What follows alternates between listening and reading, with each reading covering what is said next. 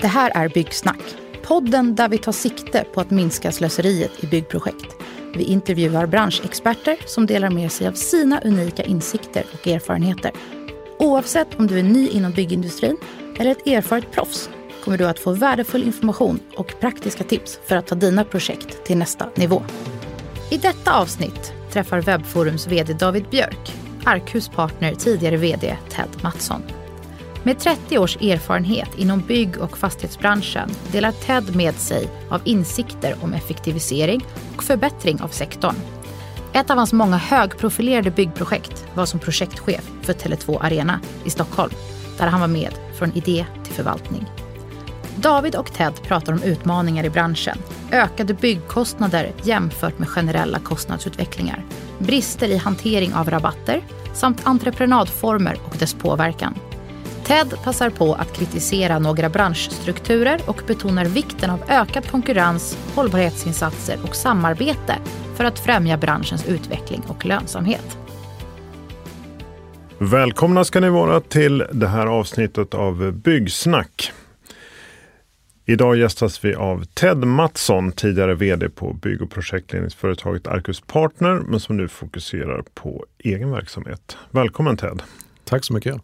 Så kul att ha dig här. Eh, vi har velat pratas vid en längre tid, men nu är det äntligen dags och vi kommer att kasta oss in i frågorna kring eh, hur vi kan eh, effektivisera branschen och förändra och förbättra världen, eller hur? Exakt. det ska bli jättekul.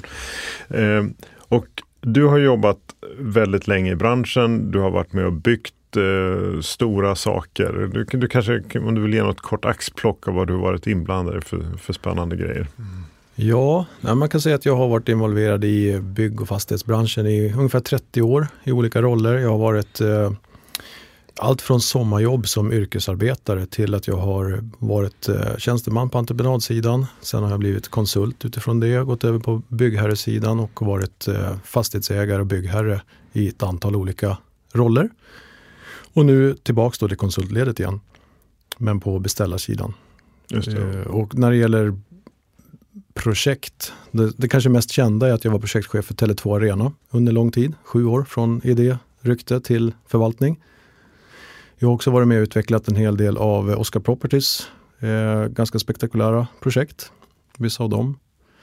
Och mycket annat. Jag har eh, gjort allt kan man säga, kyrkor, sjukhus, restauranger, köpcenter, infrastruktur, eh, bostäder inte minst. Mm, och då, då, känns det ju som att du har uh, sett en del och du har lite inblick här i branschen som ska bli spännande att och, och diskutera med dig här idag. Ja, ja, men det är klart att man samlar på sig erfarenheter av det man gör. Ja men eh, jättespännande. Och, och, men egentligen så är, du ju musiker och rockstjärna. Men det, det är bara en tidsfråga då innan det riktigt stora genombrottet kommer. Precis, så är det. Det här är en bisyssla. Jag är ju rockstjärna egentlitt. Ja men det är bra. Det är lite samma för mig där faktiskt. Så det, det, det, har vi gemensamt. Att ja, eh, genombrottet kommer när som helst. När som helst. Ja, nu. Eh, om man ska titta lite grann på, på dina tankar här kring eh, effektiva byggprojekt och en effektiv bransch. Jag har ju hört rykten om att du eh, tänker mycket på det här och jag vet att vi har pratat lite innan här också om det. Att det, det finns eh, en del brister, en del saker att ta tag i i byggbranschen. Och jag har också hört rykten om att du har ett eh, 12-punktsprogram där du har grävt ner dig lite grann i vad, vad det här beror på. Vet, hur kom det sig att du eh, började analysera det här? Nej, men det är en så viktig del i verksamheten hela tiden. Vad, vad vi gör med eh, tid och pengar, resurserna helt enkelt, när vi, när vi ska utveckla någonting. Så att det är ju ständigt närvarande i alla projekt och hela tiden vill man göra saker så bra som möjligt. Och saker blir ju ibland kanske inte helt perfekta och då, då vill man ju försöka lära sig av det och gå vidare och göra det lite bättre hela tiden nästa gång. Och då samlar man på sig massa erfarenheter och saker vill man ju försöka förändra. Och 12-punktsprogrammet, det var väl egentligen någonting som jag eh, satte ihop inför den här intervjun. När jag skulle försöka hitta lite eh, ämnesområden att prata kring. Efter att jag hade frågat ChatGTP varför vi har Europas högsta byggkostnader. Så eh, började jag jobba på liksom att gräva ner mig lite grann i de här sakerna som ja, chatten talar om är orsaken. Ja, vad spännande. Och, och, jag misstänker vi kommer komma in på den visdomen alldeles strax här. Både, både din egen och sen också vad eh, ChatGPT sa för någonting. Ja. Men, men, men eh, jag tänkte ta utgångspunkt i det här, för det är lätt att säga att vi eh, usch vi är ineffektiva och det, liksom, det, kan, det kan bli bättre och det kan man säga alltid om alla saker hela tiden. Men, men du visade mig här tidigare en intressant kurva gällande byggnadsprisindex. Och, och den tyckte jag var ändå väldigt talande. Och nu, nu, har vi, nu är det bara ljud här så vi kan inte visa upp kurvan. Men vad, vad säger den här kurvan egentligen? Ja, nej, men jag visade dig en jämförelse på byggnadsprisindex precis som är då egentligen eh, kostnaden för en byggherre att få ett eh, projekt utfört kan man säga. Och jämförelse då mot eh, KPI. Och det man kan se då, det är 40 procent och även då stigande grad av det här indexet utgörs av byggmaterial. Det är den största posten. Den största posten är ju då kostnaden för, för äh, arbetet helt enkelt. Eh, den, den, kurvan stiger ganska linjärt sedan 90-talet, ungefär fyra gånger snabbare än KPI. Och KPI är kostnadsprisindex? Ja, konsumentprisindex. Alltså, konsumentprisindex ja, generellt. Generella kostnadsutvecklingen i samhället. Ja.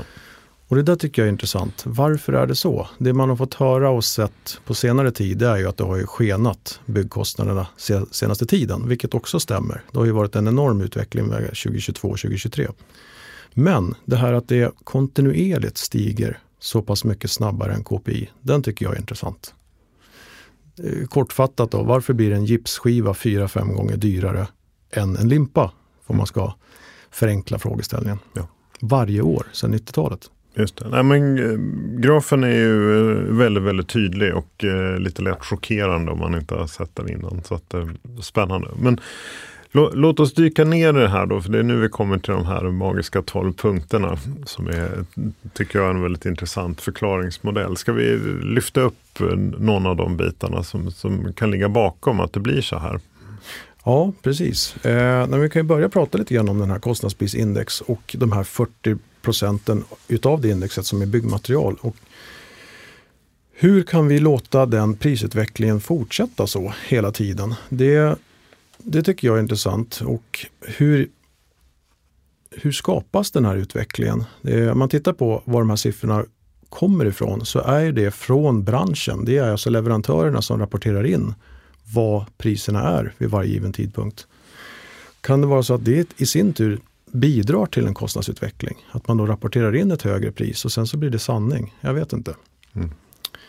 Det, det, är en fundering jag har. En annan fundering är ju då Entreprenörsledet har ju sina rabattbrev med sina grossister på det materialet de kontinuerligt köper. Det handlar ju både om byggmaterial såsom virke och, och träskivor och så vidare men också då alla installationsmaterial.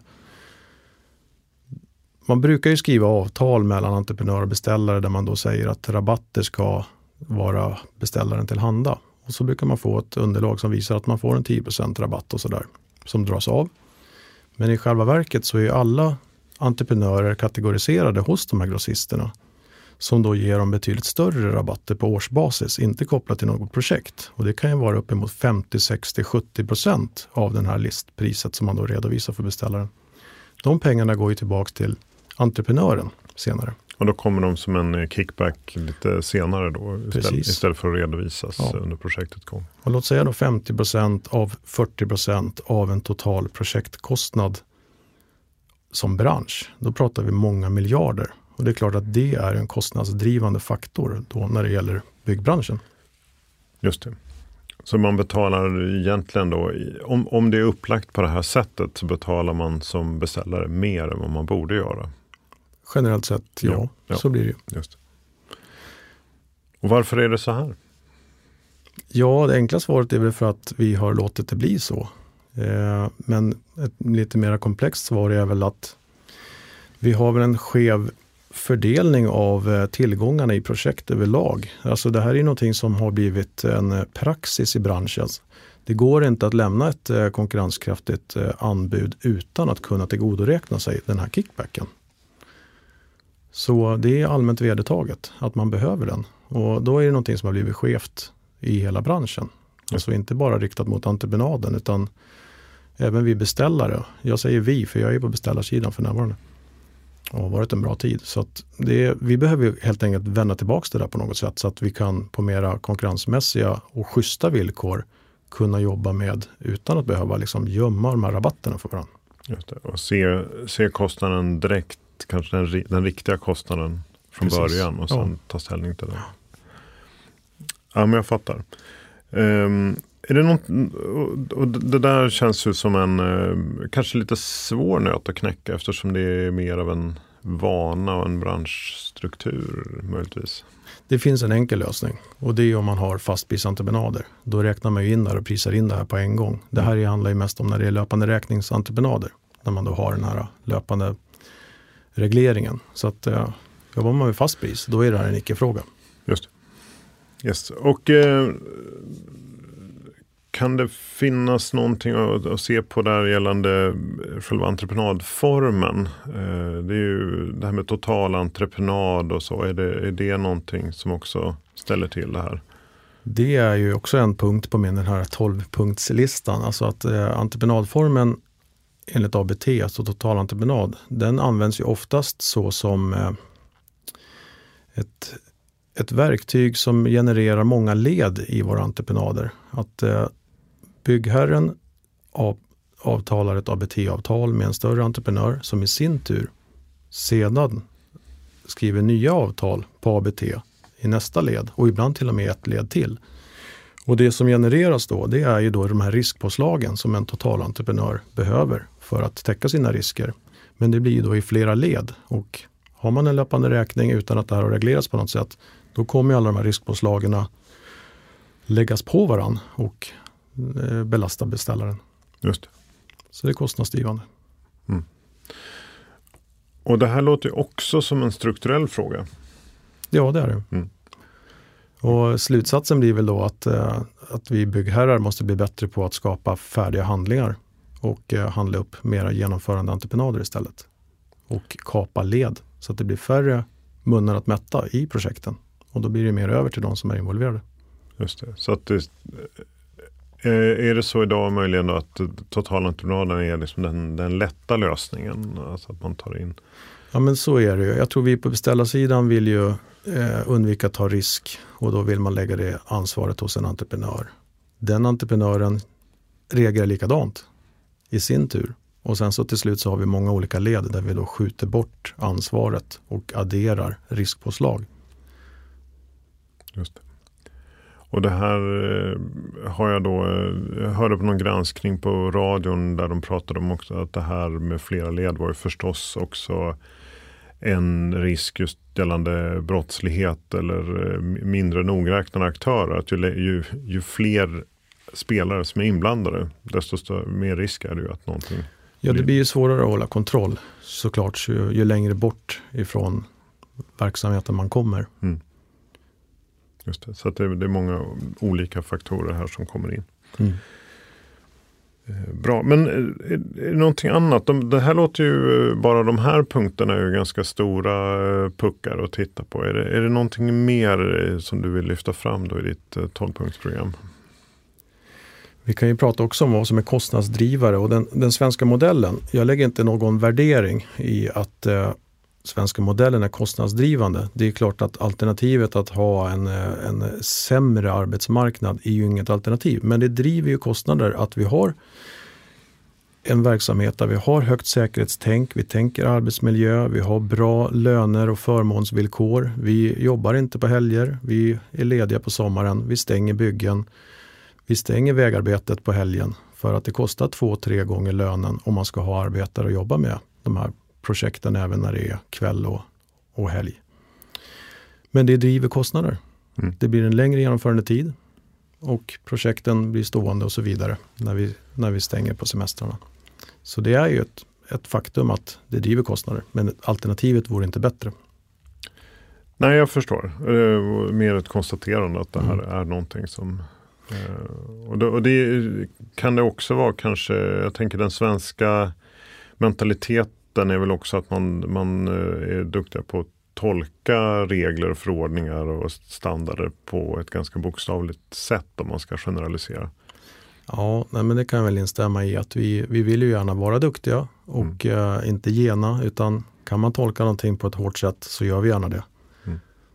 På gott och ont. Eh, det driver också kostnader förstås att eh, tolka hållbarhetsregelverk etc. Och, och försöka nå väldigt högt. Det är också kostnadsdrivande.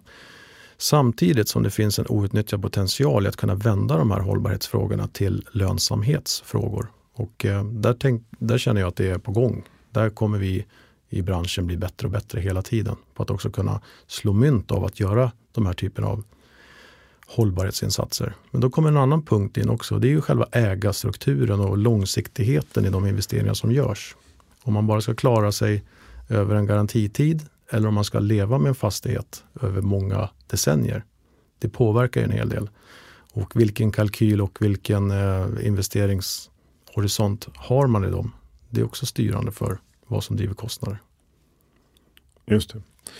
Um, och, och tänker du då att man skulle, eh, det här med att eh, använda det till sin fördel eller att, är det då att man eh, mer skulle marknadsföra och bygga in det som ett mervärde i, i byggprocessen och också i den färdiga produkten? Eller hur, hur tänker du där? Det är en stor fråga men åtminstone kan vi belysa att eh, har du en investeringshorisont där du ska leva med fastighet och förvalta den över tid.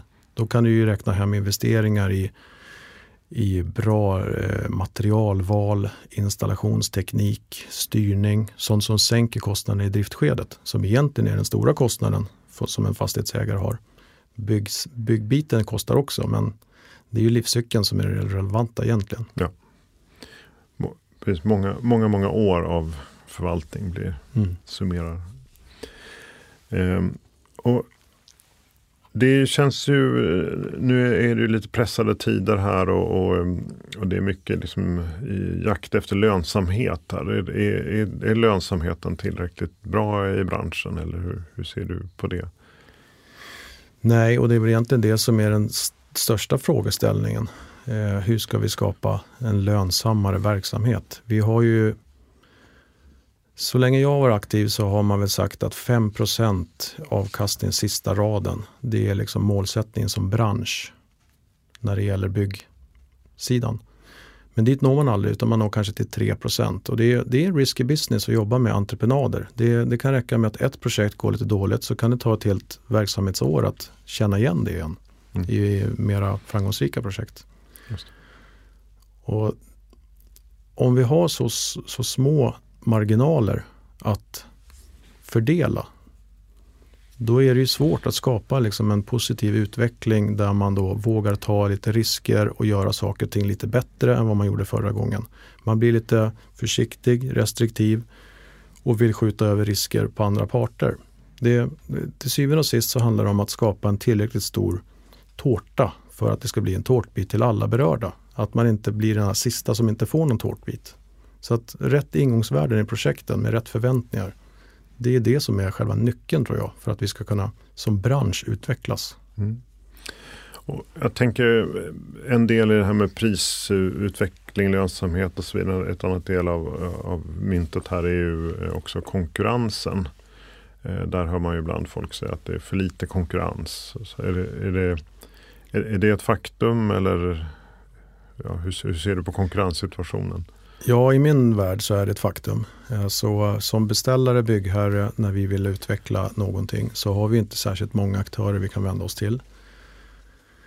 Eh, I alla fall inte om man vill gå till en totalentreprenad. Då har vi ett fåtal aktörer och de totalentreprenörerna som jag beskrivit tidigare, de tar ju kanske inte det här totalentreprenadsansvaret själva utan de riktar det vidare neråt i leden. Här skulle man ju önska att vi antingen utvecklade totalentreprenadsbolag som kunde ta den här delen utan att behöva skapa flera led. Alternativt att vi som är beställare kan utveckla handlingarna längre själva så att vi kan i större utsträckning konkurrensutsätta färdiga handlingar. För det är fler aktörer på marknaden som kan ta ett genomförande entreprenadsansvar. Då skulle vi kunna skapa en högre konkurrensnivå.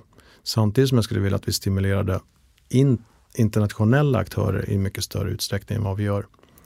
Så att om man vill raljera lite grann så frågar vi om ett, ett anbud på en totalentreprenad för ett nytt bostadshus i Stockholm. Då frågar vi de största bolagen och de i sin tur frågar precis samma rörentreprenörer, mattläggare och målare. Så att vi får inte in särskilt många olika anbud utan det är ju de här underanbuden, det är ju samma leverantörer ofta.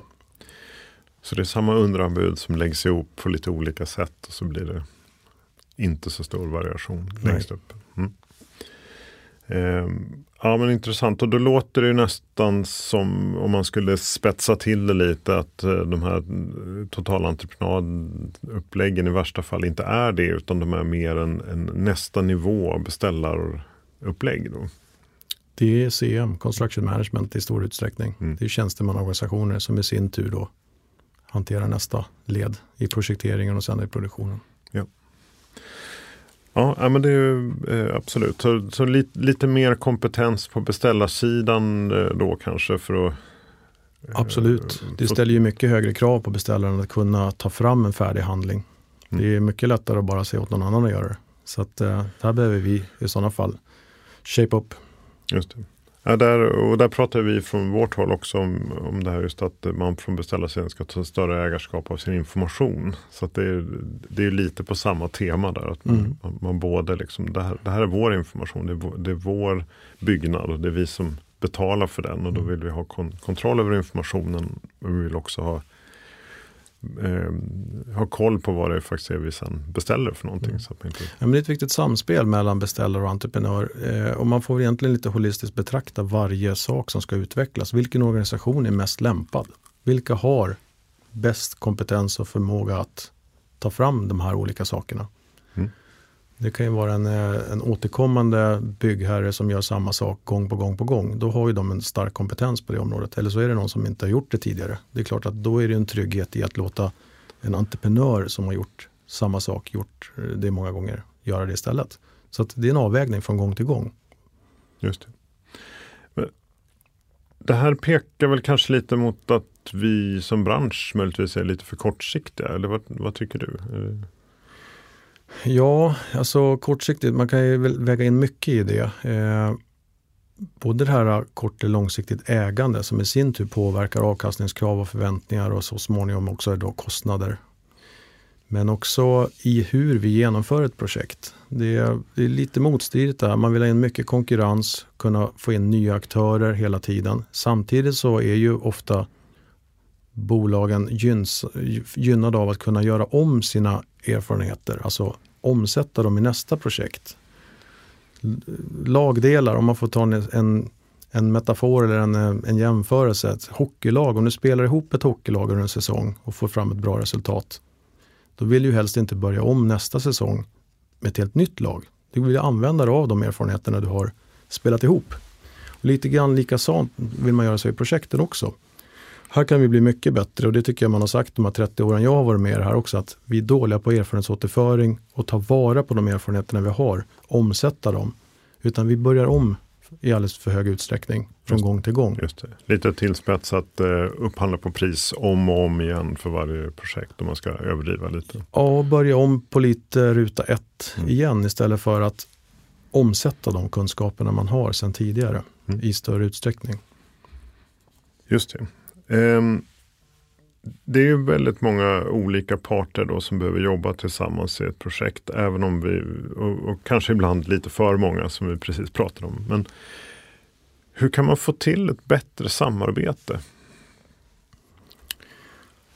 En sak som jag var inne på det är ju själva ingångsvärdena. Om vi ska kunna ha en partnering på riktigt eh, där vi samverkar och hjälps åt och även delar risker. Då måste vi ha rätt ingångsvärden från början. Det måste finnas utrymme för alla parter att kunna må bra när man går ur ett projekt också.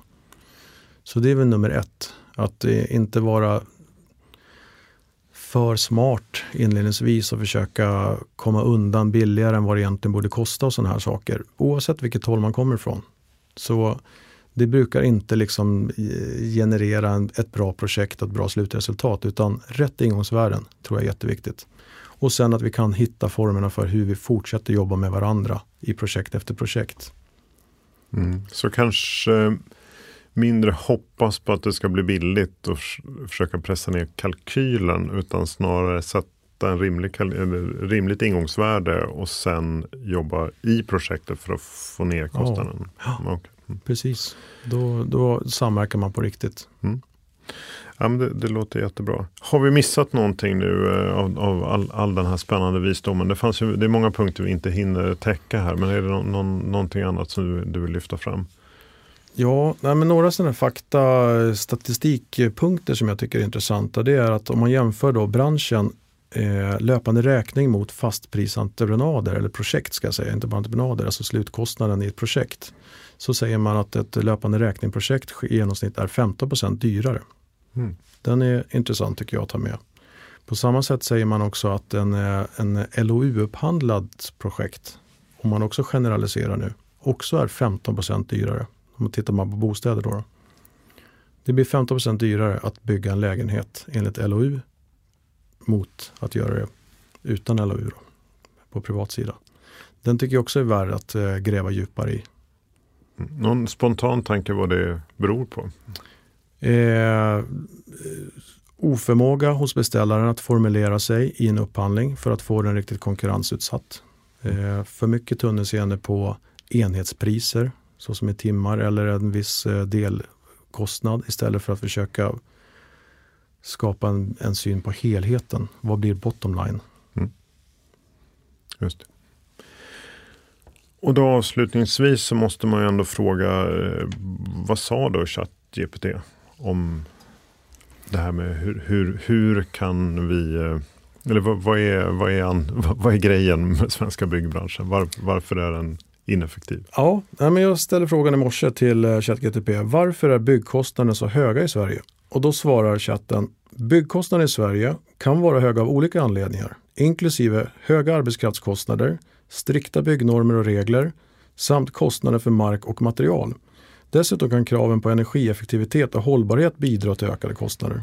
Det är svaret jag fick. Mm. Ja men Intressant och det, det, känns ju som en mix av en, som du pratade om innan, en del saker vi vill ha, det vill säga schyssta villkor och eh, bra om, omtanke kring miljö och så vidare, an, andra saker.